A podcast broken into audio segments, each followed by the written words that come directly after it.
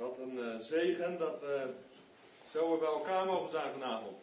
Ik heb er weer naar uitgezien. En ik hoop dat dat ook geldt uh, voor jullie. Twee weken gaan wat dat betreft altijd erg hard. Maar goed, het is soms ook goed dat de tijd hard gaat, hè? Ik zeg altijd maar één dag geleefd, dat is één dag dichter bij het beste of bij het slechtste. Nou, en voor ons als wederom geboren christenen is dat? Het beste. Het beste. En het is niet zo alleen dat het beste nog komt, dat is ook waar, maar God wil ook dat wij hier leven overeenkomstig wie we krachtens de Bijbel zijn. En dat heeft alles te maken ook met onze identiteit en ons zelfbeeld. Nou, daar gaan we vanavond over nadenken. Ik wil twee gedeelten gaan lezen. We beginnen in het Oude Testament, Psalm 8. En ik lees ook een paar versen uit het Nieuwe Testament. Twee versen, die heeft Marcel ook al gelezen, maar ik zal het voor de opname dan even herhalen. Dan staat dat er ook op. Dus we beginnen in Psalm 8 en daarna gaan we naar 2 Korinthe 5. In Psalm 8 lees je van de grootheid van God, hoe machtig Hij is en welke daden Hij heeft verricht. En ondanks zijn grootheid en zijn almacht denkt hij aan mensen. En laat op Psalm zien dat mensen waardevol zijn. Psalm 8, het eerste vers. Een psalm van David voor de koorleider op de Gittit. Here, onze Here, hoe machtig is uw naam op de hele aarde. Uit de mond van kleine kinderen en zuigelingen hebt u sterke, sterk fundament gelegd. Omwille van uw tegenstanders om de vijand en wraakzuchtige te laten ophouden. Als ik uw hemel zie, het werk van uw vingers, de maan en de sterren, die u hun plaats gegeven hebt. Wat is dan de sterveling dat u aan hem denkt? En het mensenkind dat u naar hem omziet. Toch hebt u hem weinig minder gemaakt dan de engelen en hem met eer en heerlijkheid gekroond. U doet hem heersen over de werken van uw handen en u hebt alles onder zijn voeten gelegd. Schapen en runderen, die allemaal en ook de dieren van het veld. De vogels in de lucht, de vissen in de zee en al wat over de paden van de zeeën gaat. Here, onze Here, hoe machtig is uw naam op de hele aarde. Amen. Prachtige psalm. Dan gaan we verder in het Nieuwe Testament in 2 Korinthe 5. En daar lees ik twee versen van. 2 Korinthe 5.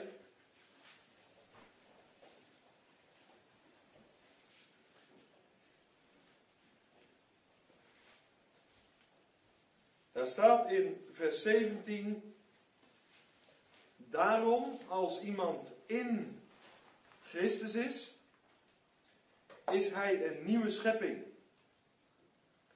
Het oude is voorbij gegaan. Zie, alles is nieuw geworden.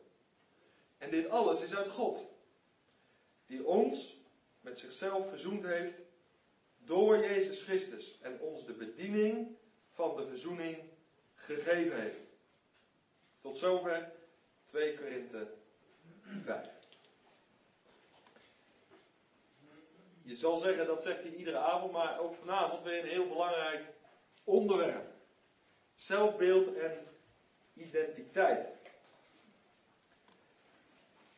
En dat zal voor sommigen van jullie misschien best wat gevoelig liggen. Ook gezien het feit dat je allemaal al hebt meegemaakt in je leven en wat jou mede gevormd heeft. Het zij positief, het zij negatief. Maar ik hoop dat vanavond je ook vanuit de Bijbel ook duidelijkheid verkrijgt over waar je als christen nou je identiteit aan mag ontlenen. Dat is heel belangrijk voor hoe je in het leven staat. En dat heeft niets te maken met een cursus positief denken of zo. Maar dat is, wat is onze nieuwe positie in de Heer Jezus Christus. Dat is iets heel anders. En dat is belangrijk voor een ontspannen christenleven. En dat is, ik heb het de eerste les al gezegd, waar God naar verlangt. Dat we in ontspannenheid met hem leven, vanuit het werk, door hemzelf verricht. Nu leven we met elkaar in een tijd waar sprake is van economische crisis. Financiële crisis, dat hoef ik jullie niet te vertellen. Alle media die berichten ons daarover. Maar we leven met elkaar ook in een identiteitscrisis. En dat staat niet in de kranten, omdat niet iedereen daar even open over is. Maar als je met mensen doorpraat en doorspreekt over de diepere dingen van het leven, dan kom je er vaak achter dat er een identiteitscrisis is. Veel mensen, ook in de christelijke gemeente, en misschien ben jij het wel vanavond, die dragen een masker. Nou, weet je wat een masker is? Dat is uiteindelijk iets wat je voor je gezicht doet. En uiteindelijk laat je nooit iemand de werkelijkheid van jou zien, van wie je echt bent. Een masker. En daar zijn de meeste mensen ontzettend goed in. En sommigen zijn ook heel erg onder de indruk van wat ze in de eerste instantie van iemand zien. Want iemand kan heel sterk overkomen, sterke persoonlijkheid hebben. Maar inwendig, in zijn hart, in zijn binnenste, heel klein zijn. Soms zelfs labiel zijn. En mensen houden een masker op omdat ze voor de buitenwereld maar sterk willen zijn. Als ze maar niet mijn echte identiteit zien. Als ze maar niet echt zien wie ik ben. En zo kom je veel mensen tegen met een masker. Maar als christen zal ik je vanavond laten zien dat je geen masker hoeft te dragen. Dus voor zover je vanavond je masker nog op hebt, dan hoop ik dat je hem hier aan deze kant van de deur afdoet. En dat je hem hier achterlaat. En dat je gaat leven vanaf vanavond vanuit je nieuwe identiteit. Zonder masker. Maar puur. Echt. Echt leven. En nu hebben wij allemaal een bepaald zelfbeeld. Ik heb dat. Jullie hebben dat. Wij hebben dat allemaal. Een bepaald zelfbeeld.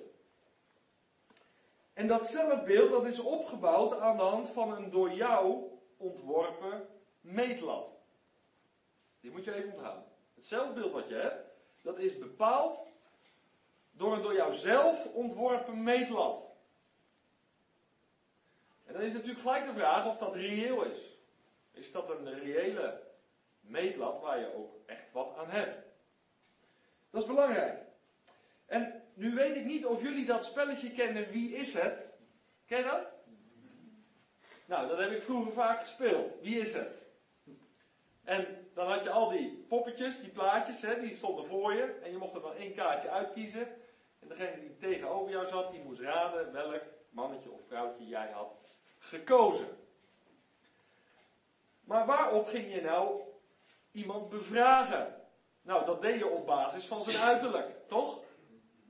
Heeft de persoon die jij uitgekozen hebt grote oren? Nee, hij heeft geen grote oren.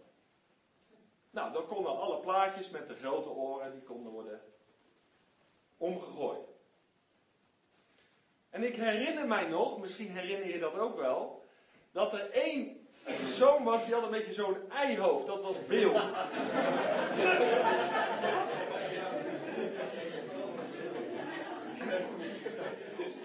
en dan moest je natuurlijk als je echt goede vragen stelde, dan stelde je vragen waarmee je zoveel mogelijk popjes om kon zetten.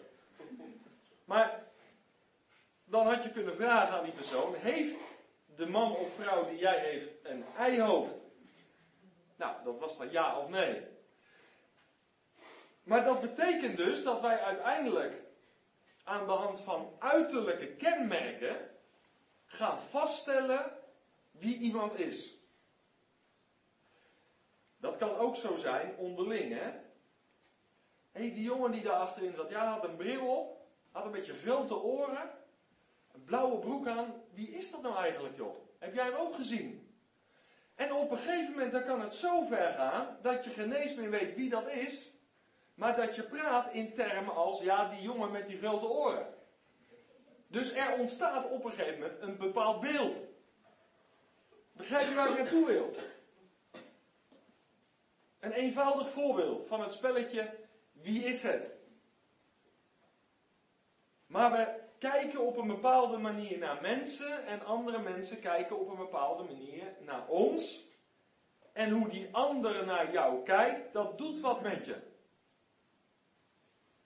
Is dat zo of niet? Of spreek ik vanavond in raadselen? Misschien wil je het vanavond niet openlijk herkennen. Maar dit is gewoon zoals ik het zeg. En nu zijn er allerlei ingrediënten die jouw zelfbeeld hebben bepaald. Dat zijn je ouders in de opvoeding.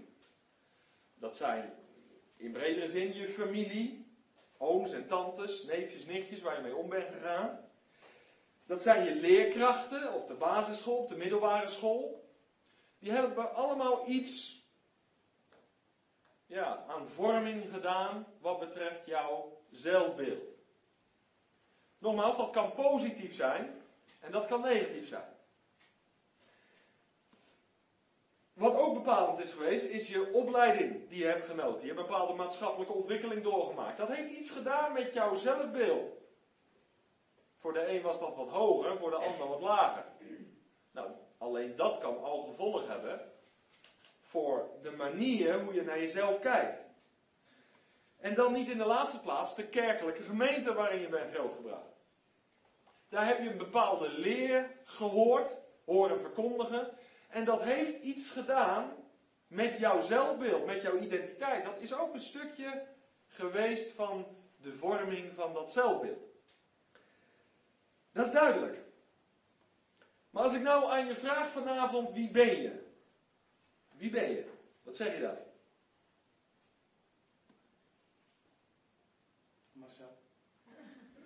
Bijzonder hè? Ik ben Marcel. Maar dan zeg ik nee, zo heet je. Maar dat zegt nog niks over wie je bent. Nou vraag ik aan een ander. Uh, wie ben je? Dan zeg je nou, ik ben verpleegkundige. Nee, dat is het werk wat je uitoefent. Dat zegt misschien wel iets over je, maar eigenlijk ook weer niet. Dat is het werk wat je uitoefent. En een ander zeg ik, wie ben je? Ik ben een Nederlander. Nee, dat is het land waar je vandaan komt. En een inwoner van dat land, dat noemen we een Nederlander. En als ik aan een ander vraag en ik zeg wie ben je, dan zeg je ik ben evangelisch. Nee, dat is de denominatie, de stroming waar je toe behoort. Maar ik vraag je, wie ben je nou? En al die verschillende antwoorden, die hebben wel deels jouw identiteit bepaald. Jouw zelfbeeld. Maar ik heb nog geen antwoord over wie je nou daadwerkelijk bent. En ik hoop dat je voor jezelf steeds een antwoord geeft. Heb je het al gegeven? Wie je bent? Daar moet je over nadenken. Nu is het zo dat heel veel christenen verstrikt zijn geraakt in een web van leugens en onwaarheden.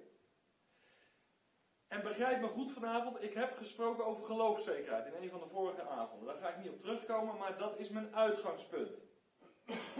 We beleiden met elkaar wederom geboren mensen te zijn. Nieuw leven te hebben ontvangen. Leven uit God, zegt de Bijbel. Dat betekent dat mijn lichaam een tempel van God is geworden. Dat Hij door zijn geest in mij woont. En van daaruit spreek ik vanavond met je over identiteit en zelfbeeld. Dat is belangrijk dat we dat helder hebben. Want daar begint het. Toch merk ik dat heel veel christenen dus zij die beleiden wederom geboren te zijn, problemen hebben om hun identiteit vast te stellen, maar ook om uit die identiteit te gaan leven. Want dat is het doel. We kunnen vanavond hele mooie psychologische verklaringen neerzetten. En ik kan tal van boeken aanbevelen, aanraden. Maar als we vanavond onze nieuwe identiteit helder hebben, dan is het doel dat we eruit gaan leven, zodat je ook de zegen daarvan ondervindt.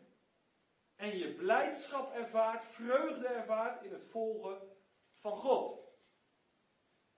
We gaan weer een stapje verder. Want nu voelen heel veel christenen zich tekortschieten. Die voelen zich falen. En dat doet wat met je. Anderen die leven in een veronderstelling.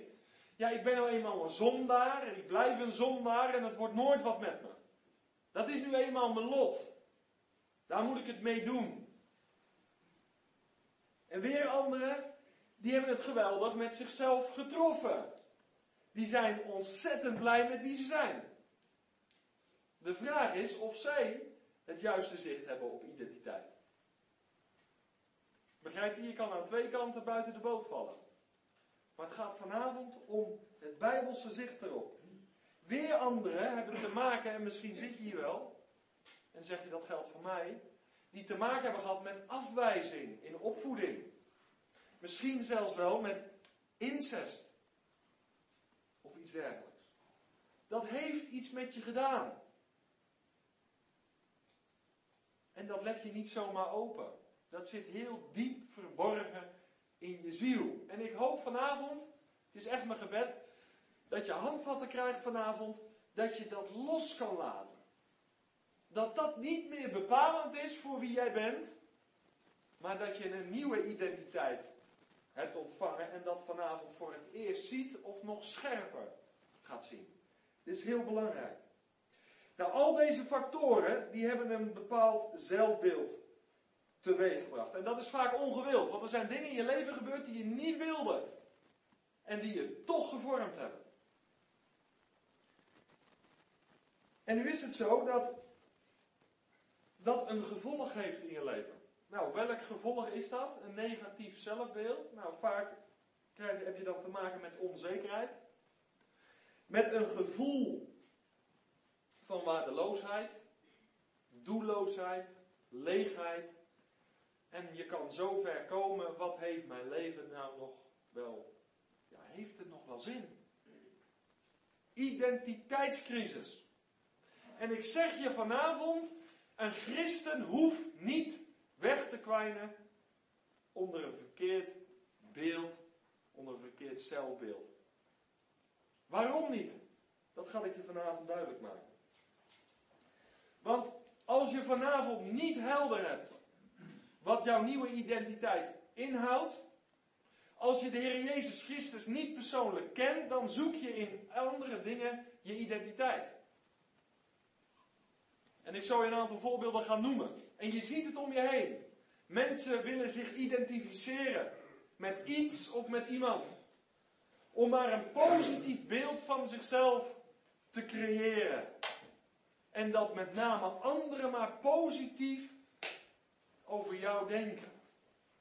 Je zoekt je toevlucht en je wil je identiteit zoeken in bijvoorbeeld je werk. En ik vergeet nooit meer, ik kwam een tijd geleden een man tegen. En daar kreeg ik een gesprek mee. En dat was gewoon een heel open gesprek. En op een gegeven moment kregen we het over werk. En ik vroeg aan hem, wat voor werk doe je?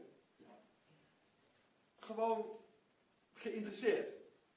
Hij zegt, ik zit bij de krant. Nou, dat kan. Maar goed, dat is vrij breed natuurlijk, dus ik wist nog niks. Je kan hoofdredacteur zijn, of je kan eindredacteur zijn, of misschien ben je wel van de catering bij het concern wat die kranten maakt en drukt en noem maar op. Je kan, je kan ook uh, kranten bezorgen. Maar hij hield het een beetje globaal. En na een tijdje met hem gesproken te hebben, zegt hij: Ja, ik bezorg kranten. Je lacht erom, maar je voelt hem al aan, hè? We begonnen het gesprek en hij zegt: Ja, ik werk bij de krant. En ik merkte, hij wilde niet tegen mij direct vertellen dat hij kranten bezorgde. In de veronderstelling dat ik hem weg zou zetten als een simpele ziel of. Dus hij hield het maar globaal.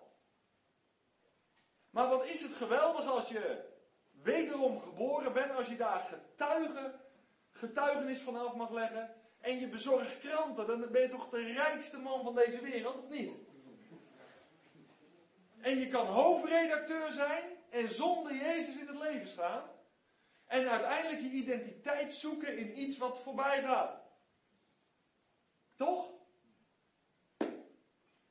En ik hoop dat dat valt. Bij dat dat helder is. Een eenvoudig voorbeeld. Je identiteit zoeken in je werk. In je carrière. Wat ook in is in het merk kleding wat je draagt. Daardoor val je net te binnen of ze schrijven je nagenoeg af.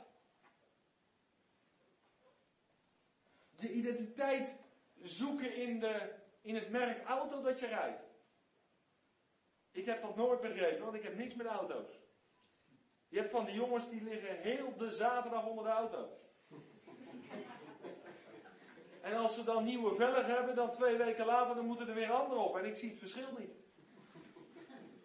En maar sleutelen. En ik denk op een gegeven moment gaat het toch om dat hij rijdt. En dat je droog zit. En in de winter dat de verwarming aan kan. Maar dat is hun identiteit. Daarin voelen ze zich zeker. En denken ze indruk te maken.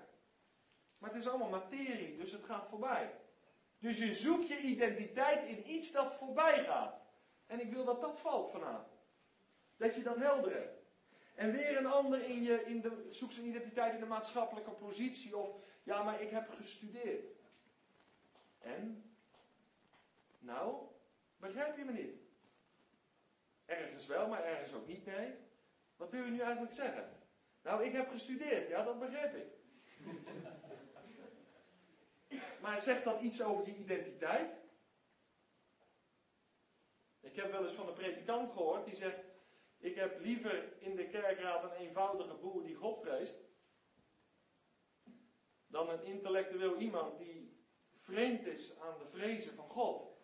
Die misschien wel heel veel waarde heeft bij andere mensen, vanwege zijn maatschappelijke positie. Maar ik heb liever een eenvoudige boer die God vreest, die met God leeft. Terwijl dat een wereld van verschil kan zijn, wat het zelfbeeld van die twee mannen is. Voel je? Maar waar zoek je het in? Waar vind je het in? Anderen zoeken zich, zoeken hun identiteit om, door zich te spiegelen aan hun idool. Aan hun held. Nou, ik kom straks op onze held. Waar wij onze identiteit aan mogen ontleden. Maar hoeveel zien dat niet? In, in een sportheld of zo. Als je het over de voetballerij hebt, dan kopen ze het shirt van die voetballer. Die schoenen van die voetballer. En dan voelen ze zich een soort zeker ervan of zo. Denken de kunsten te gaan vertonen die hij vertoont. Begrijp je, ze zijn voortdurend aan het spiegelen. Om wat te zijn. Om zich veilig te voelen. Om indruk te maken. Een ander in zijn favoriete muzikant. Of je spiegelt je aan familieleden. Die schoonzus die een stuk knapper is als jij, althans in jouw beleving. En je vecht en je vecht om dezelfde uitstraling als haar te hebben. En dan kijk je weer in de spiegel en denk je, het lukt me gewoon niet. En dan ben je weer. En hoe komt dat? Je bent voortdurend aan het spiegelen. Wie is zij en wie ben jij? Ik weet niet of je nog jezelf met haar wil spiegelen over 40 jaar. Misschien heeft ze dan meer grijze haar of meer rimpels dan jij. Nou, wat blijkt hieruit? Dat je je hebt gespiegeld aan iets dat voorbij gaat. Zie je de waardeloosheid ervan in? Het is een momentopname. Maar het bepaalt wel je zelfbeeld en je identiteit. En dan anderen die zoeken hun identiteit door mee te gaan op de trends van de mode. Of door wat de media voorschrijft. Nou, dat is natuurlijk helemaal hip. Hoeveel volgers heb je op Twitter? Want dat bepaalt toch wel grotendeels mijn identiteit. Je zal toch een Twitter-account hebben met 20 volgers? Nou, dat moet je geen eens willen. Maar als jij er met een paar duizend kan tonen, ja. Ja, en dan nog vrouw natuurlijk zeggen, niet hoe het kan, maar ja. Voel je aan, ik heb zoveel volgers. En dan vrienden op Facebook, hoeveel heb je er? Het is toch ook wel indrukwekkend hoeveel vrienden je hebt op Facebook. Ik zou even klappen, ik heb geen Facebook en ik heb geen Twitter. Dus ik heb helemaal geen vrienden en ik heb ook geen volgers. Oeh, mijn identiteit. Maak je niet ongerust. Maar, maar voel je, dat zijn de actuele vormen waardoor mensen hun identiteit bepalen. En wat is nu het trieste, want we lachen er zo om. Maar al deze dingen die ik net opnoem, die zijn in onze westerse maatschappij bepalend hoe men naar ons kijkt. Samengevat dit. Wij laten heel vaak onze identiteit bepalen door iets of door iemand waarvan we moeten zeggen, die persoon gaat voorbij, die materie die vergaat. Wij laten onze identiteit dus bepalen door vergankelijke factoren. Dat moet je vasthouden. Zie je nu de dwaasheid om je zelfbeeld te laten bepalen door die factoren? Die vandaag zus zijn en morgen zo? Wees niet zo dwaas om je daaraan te spiegelen. Om je daarmee te identificeren. Zet je masker af. Vanavond. En geniet een echte, blijvende identiteit. Die ik je vanavond mag verkondigen.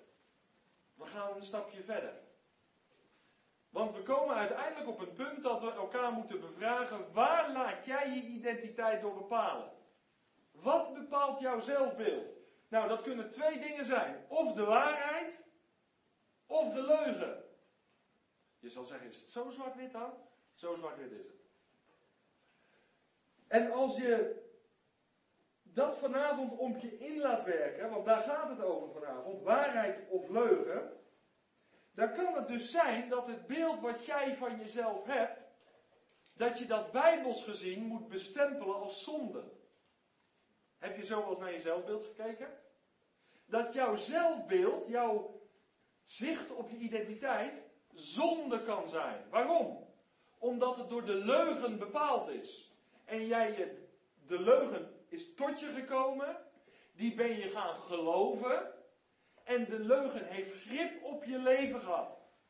En die heeft jou negatief beïnvloed. En wat zegt Jezus? Ik ben de weg, de. En het leven. Hij is de waarheid. Dus hij wil jou ook vrijmaken. Ook wat betreft jouw zelfbeeld en jouw identiteit. Van elke leugen.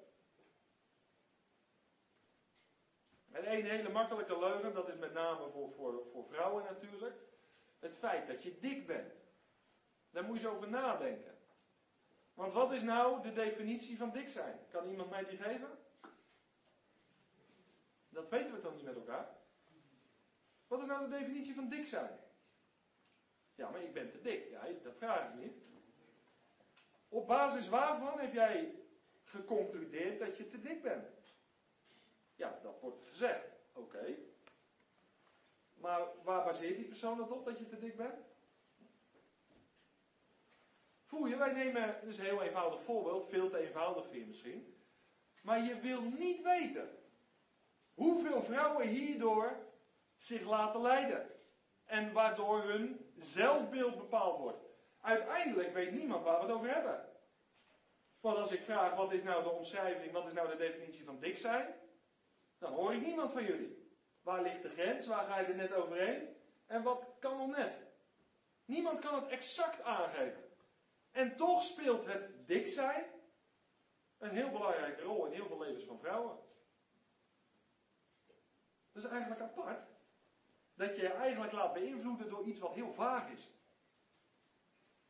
Nou, ik zou je dit zeggen, de Heilige Geest overtuigt altijd heel duidelijk van dingen. Maar Satan overtuigt van het vaag. Dat je altijd van die vage schuldgevoelens houdt. Nou, dat is met identiteit ook zo. Gewoon negatief naar jezelf kijken. Ben niet waardevol. Dat is negatief. Maar probeer te herleiden waar zoiets vandaan komt. Is het leugen of is het waarheid? Nou, je leest in, ik kan het niet allemaal gaan voorlezen, maar je leest in Genesis 1 dat wij geschapen zijn naar het beeld van God. Daar begint de Bijbel, daar moeten wij beginnen. Geschapen naar het beeld van God. Dat is niet zo gebleven, leert Genesis 3 vervolgens. We zijn gevallen schepselen. En daar moet ik even naartoe om uiteindelijk naar de nieuwe identiteit te gaan. Om daar naartoe te gaan. We zijn zonder hoop in deze wereld en we hebben bewust tegen de Heer gekozen. Tegen de Heere God. Er is een kloof gekomen. Maar Jezus heeft de kloof overbrugd. We hebben geloofzekerheid ontvangen. Toch? En dan pas begint het leven. Er is pas leven daar waar we de Heer Jezus aannemen. We aanvaarden zijn werk voor ons gedaan in zijn kruis, dood en opstanding. Maar dat heeft rigoureuze gevolgen voor onze identiteit. Blader even met mij naar 2 Korinthe 5, of het ligt nog open.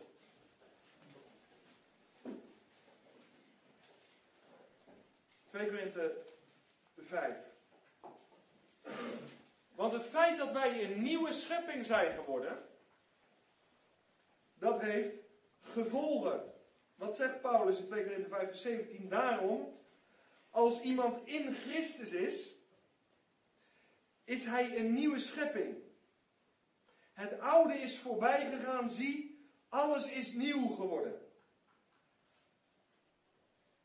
Tot zover.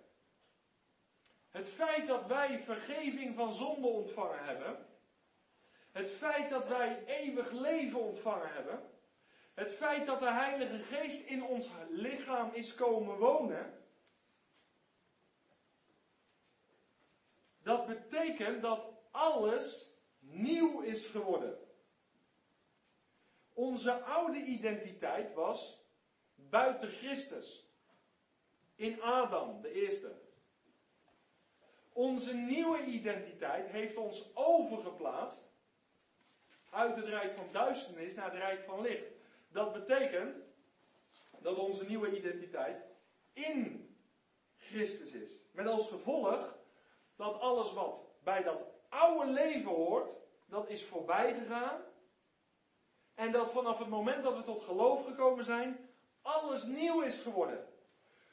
Dus ook ons zelfbeeld. Het zicht wat wij op onszelf hebben. En nu zegt er iemand, ja maar zo ervaar ik dat niet in mijn leven. Ik beleid vanavond dat ik wederom geboren ben. Ik beleid dat Christus al mijn zonden vergeven heeft en dat Hij door zijn geest in mij woont. Maar ik heb zo ontzettend veel last van een negatief zelfbeeld. Wie ben ik eigenlijk? En ik denk dat dat in heel veel christenlevens te maken heeft met het onderwijs wat je daarover ontvangen.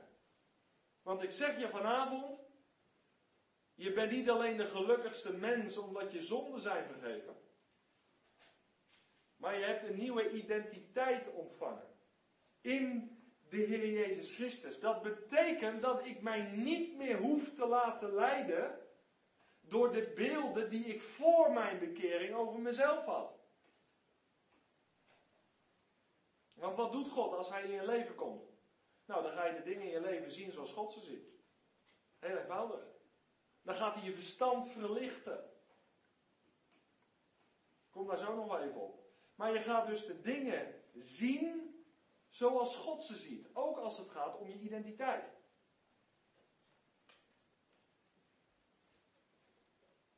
En ik ben soms wel eens benieuwd wat er nu in je hoofd omgaat.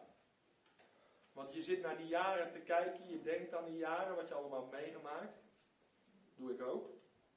En die passeren nu de revue in je gedachten. Klopt dat? En ik vraag je vanavond, ken je die verandering in je leven? Toen Jezus in je leven is gekomen, dat je ook een nieuwe identiteit hebt gekregen. Dat je vrijheid hebt ervaren, doordat je dat oude achter je mocht laten. En begrijp me nu goed, want pastoraal ligt dat soms nog niet zo eenvoudig. Omdat de ene in een proces gaat waarin die af moet leggen. Oude, verkeerde gedachten. En bij een ander gaat dat sneller en radicaler. Maar je hoeft niet meer geplaagd te worden door negatieve zelfbeelden die in het verleden zijn opgebouwd. omdat al het oude voorbij is gegaan en ziet alles is nieuw geworden. Je bent dus niet iemand, of je bent niet die persoon zoals de mensen naar je kijken, maar je bent die persoon zoals God naar je kijkt. En de vraag is, wat is voor jou belangrijker? Geef daar eerlijk een antwoord op. Is het belangrijker voor jou hoe de mensen naar je kijken? En dat maakt even niet uit of ze kerkelijk zijn of niet hoor. Of is het belangrijker hoe God kijkt? Gaan we voor optie 1 of optie 2? Wie gaat er voor optie 1?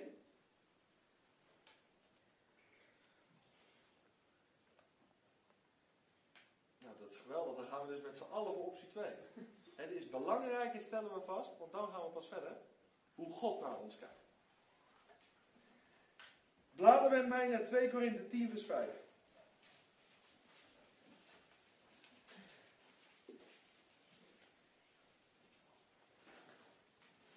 Want nu kom ik op drie belangrijke teksten. Allemaal uit het Nieuwe Testament. 2 Korinthe 10 vers 5. Wat staat daar? Daar schrijft Paulus aan de Corinthiërs het volgende. Want wij breken valse redeneringen af en elke hoogte die zich verzet tegen de kennis van God. En wij nemen elke gedachte gevangen om die te brengen tot de gehoorzaamheid aan Christus. Is een prachtige tekst. Die moet je onderstrepen in je Bijbel. Paulus die spreekt in de sfeer van een militaire veldtocht. En hij heeft het over redeneringen. Valse, wel te verstaan. Valse redeneringen. Dat zijn overleggingen, dat zijn meningen, dat zijn overwegingen. En Paulus zegt, die werp ik te neer. En hij spreekt vervolgens over elke hoogte. Nou, dat wil zeggen alles wat de kennis van God tegenhaalt, dat haalt hij ook neer. En wat zegt hij vervolgens? Nu komt het. Hij maakt de vijanden, dat zijn onze gedachten. Hij maakt de vijanden, de gedachten, tot krijgsgevangenen van God. En welke gedachten gaat het hier om? Nou, dat gaat om menselijke gedachten, om goddeloze gedachten. Die maakt die krijgsgevangenen. Wat betekent dat?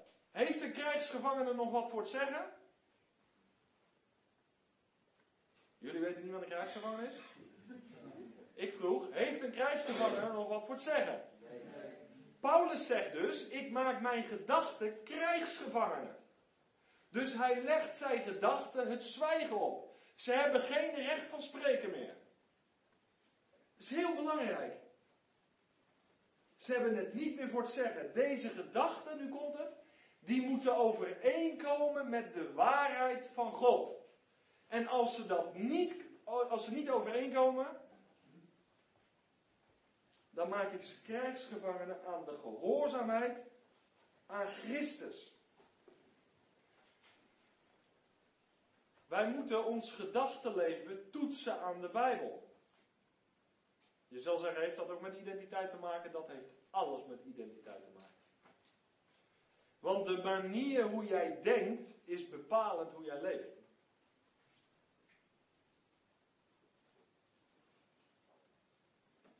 En wij worden veel meer beïnvloed in ons denken dan wij ons bewust zijn.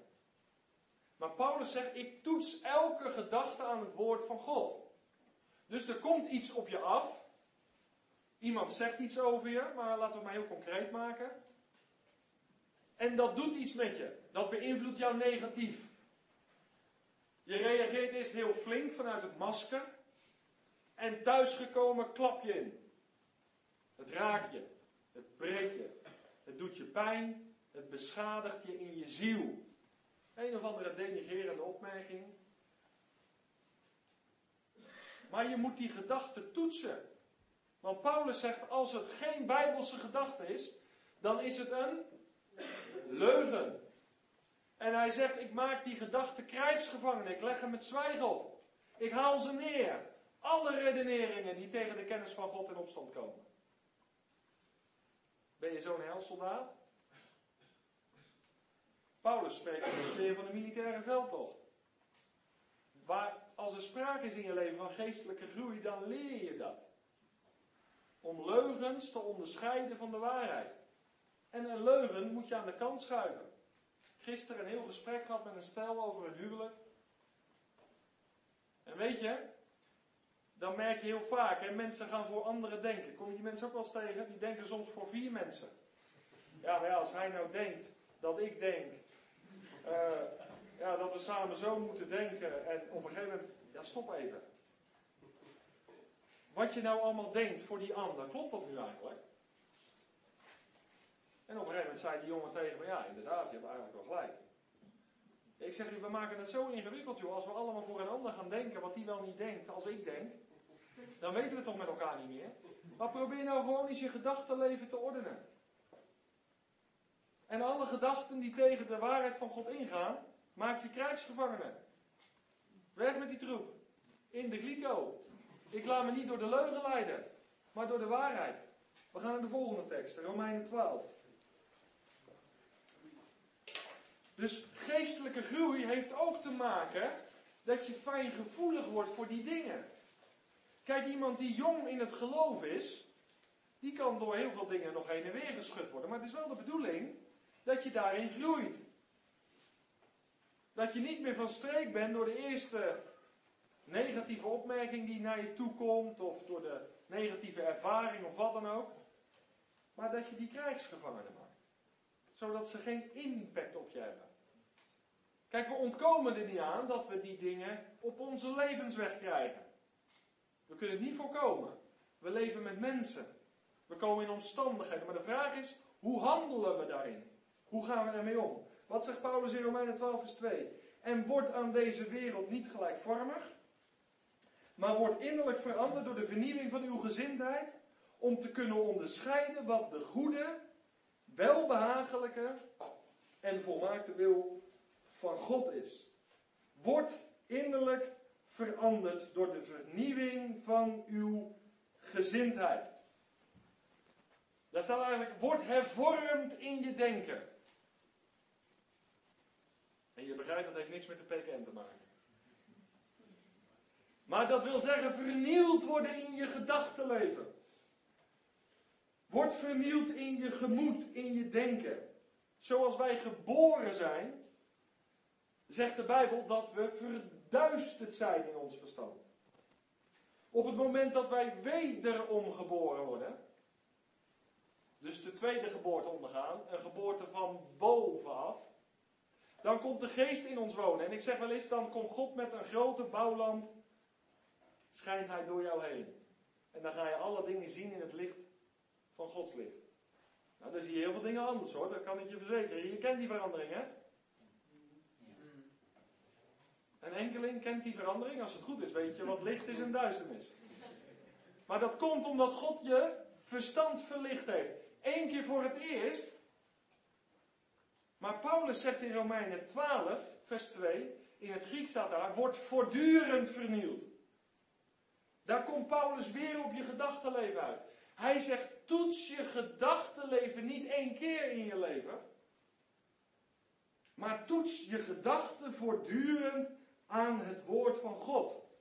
Waarom? Omdat je kan onderscheiden waar het echt op aankomt. Dat is een opdracht. En wat gebeurt er? Als ik mijn denken laat vullen met de waarheid, dan moet de leugen als vanzelf het onderspit delven. Dus ik laat me niet meer in met leugens.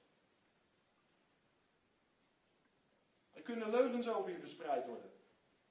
En ik heb pas gezegd dat er is in een, in een samenkomst, er is niks zo erg als dat er leugens over je verspreid worden.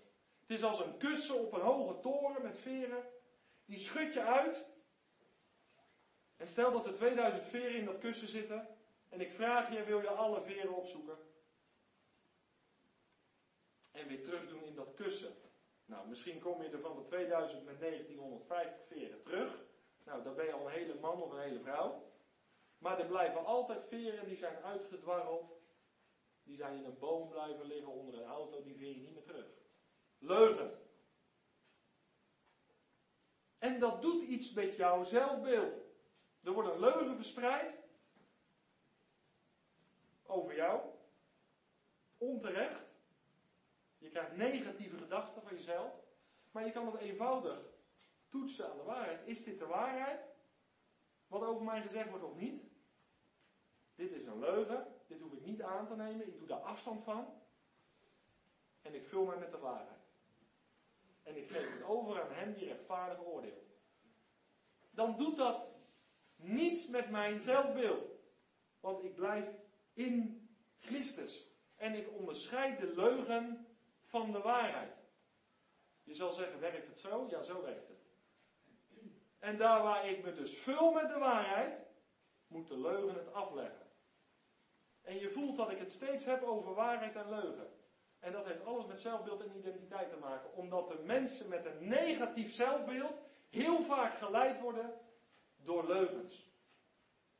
En daar hun leven door laten bestempelen. Laten bepalen. De derde tekst, de laatste tekst, Filippenzen 4. Dat is een hele belangrijke, ook een hele bekende. Ook heel belangrijk als het gaat om zelfbeeld. Opnieuw de apostel Paulus, die in dit geval schrijft aan de Filippenzen.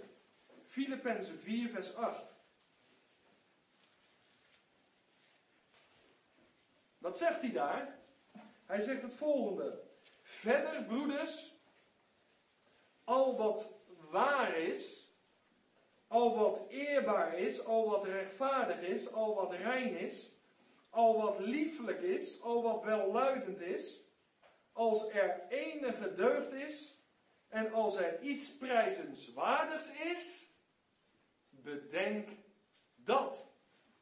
Dus wij moeten bedenken dat wat waar is. Dat is heel belangrijk, hè, met betrekking tot de identiteit.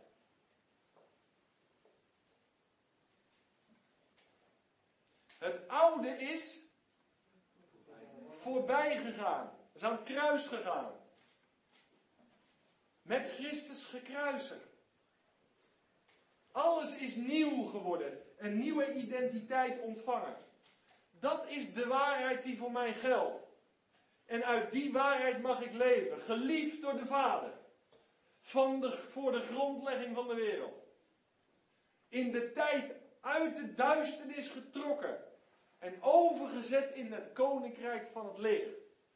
En de Heilige Geest laat mij uitroepen. Laat mij roepen, Abba. Vader. Dat is mijn nieuwe identiteit. Wie ben je? Ik ben een koninklijk kind. Door de Vader bemind. Dat is mijn nieuwe identiteit. Ja, maar al die dingen die op je afkomen en die invloeden van de maatschappij en die trends in deze wereld. Ja, maar die zijn niet meer God, hè? Laat jij je daar nog door leiden? Ja, dan, dan, dan schommel je. Maar dat moet je gewoon wel zeggen. Dat moet de kliko in.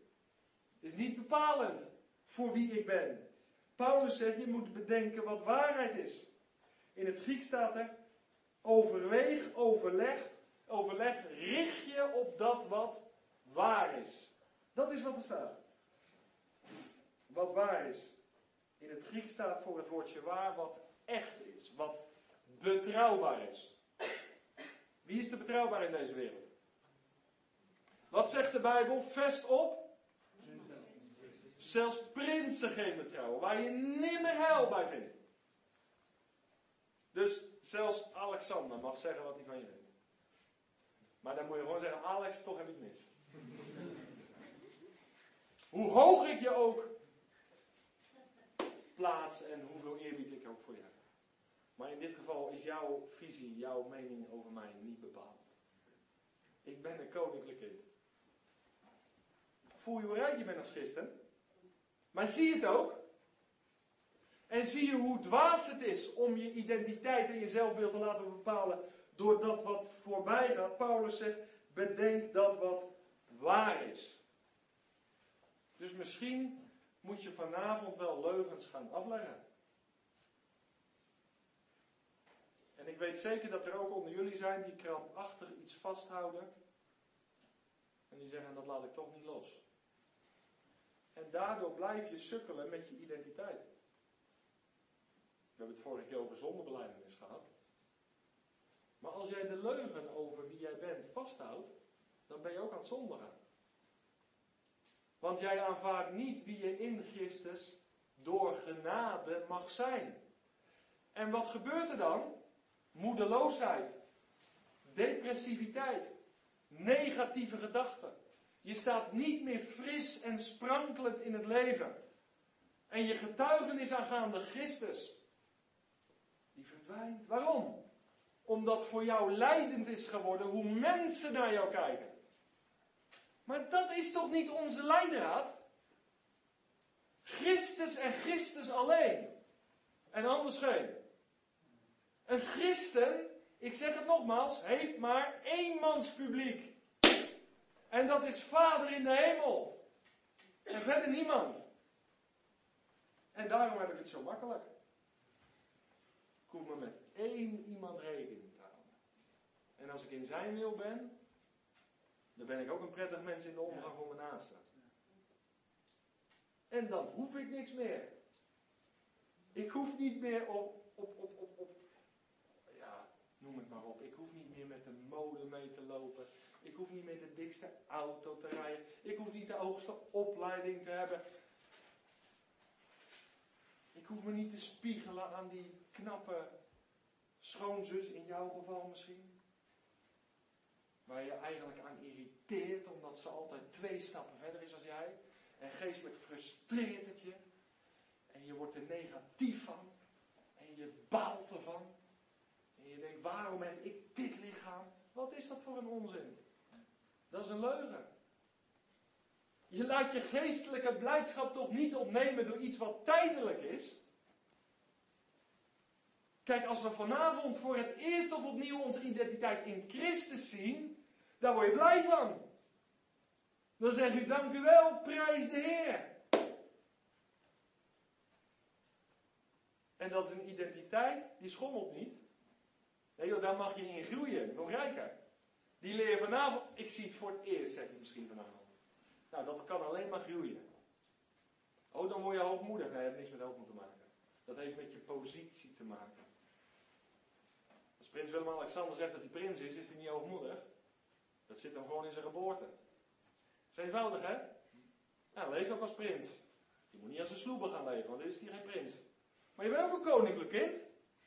Leef dan ook zodanig en laat je niet beïnvloeden door mensen of materie wat voorbij gaat. Stop daarmee. Zet je masker af en word echt. Geniet van wie je in Christus bent. En dat niet voor even, vandaag wel en morgen niet. Nee, van nu aan tot in eeuwigheid. Het wordt alleen maar rijker. Veranderd worden van heerlijkheid tot heerlijkheid. Een rijk leven. Joh, dan maakt het helemaal niet uit hoe je LTS gehad hebt of universiteit. Je kent dat verhaal toch wel van de open deurdienst in Amsterdam? Dat raakt hem altijd. Er stond een man vol van de Heer Jezus.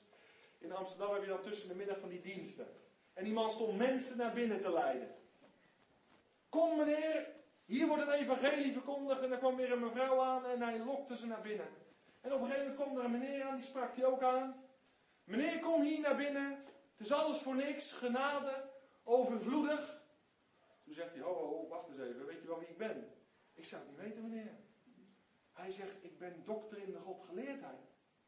Dat maakt niet uit, het is voor de grootste van de zondaar. Kijk, dat was een man die kende zijn identiteit in Christus en wie er dan er voor stond. Hij was blij met wat hij ontvangen heeft. Komt erbij, het is voor iedereen. Voel je? Wat rijk, hè?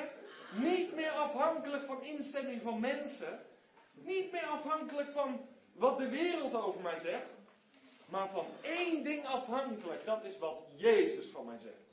En daar gaan we mee afsluiten. Ik vraag je vanavond. Door wie, door wat, laat jij je identiteit bepalen? Door vergankelijke dingen? Door vergankelijke personen? Of zeg je vanavond nee, Ik laat mijn identiteit bepalen door Hem. Die gezegd heeft, ik ben gisteren en heden dezelfde. En dat tot in eeuwigheid. En je bent één plan met mij geworden. Je bent met mij gekruisigd. Gestorven, begraven en opgestaan. En ik sta op het punt om je op te nemen in heerlijkheid. Hij bepaalt mijn identiteit. Aan één iemand verantwoording schuldig. Ik zeg het je vanavond. Ik ben een koninklijk kind. Door de Vader bemind. En ik zal wonen in het koningspaleis. In die stad Noord-Aanschouw. Met straten van goud. Glorievol als een schoon paradijs. Ik ben een koninklijk kind. Niet slecht dienstknecht of vriend. Ik ben gekocht met het bloed van mijn Heer. En dat bloed geeft mij recht. Dat is wat? Heb je je positie zo eens gezien? Dat je recht hebt. Dat bloed geeft mij recht meer te zijn dan een knecht. Ik ben Gods kind. En dat verblijft mij zozeer. Nou, dan zeg ik toch met dat hele ouderwetslied. Weg wereld. Weg schatten. Je kan niet bevatten hoe rijk of ik ben. Ik heb alles verloren. Maar Christus verkoren wiens eigen ik ben. En in hem is alles nieuw geworden.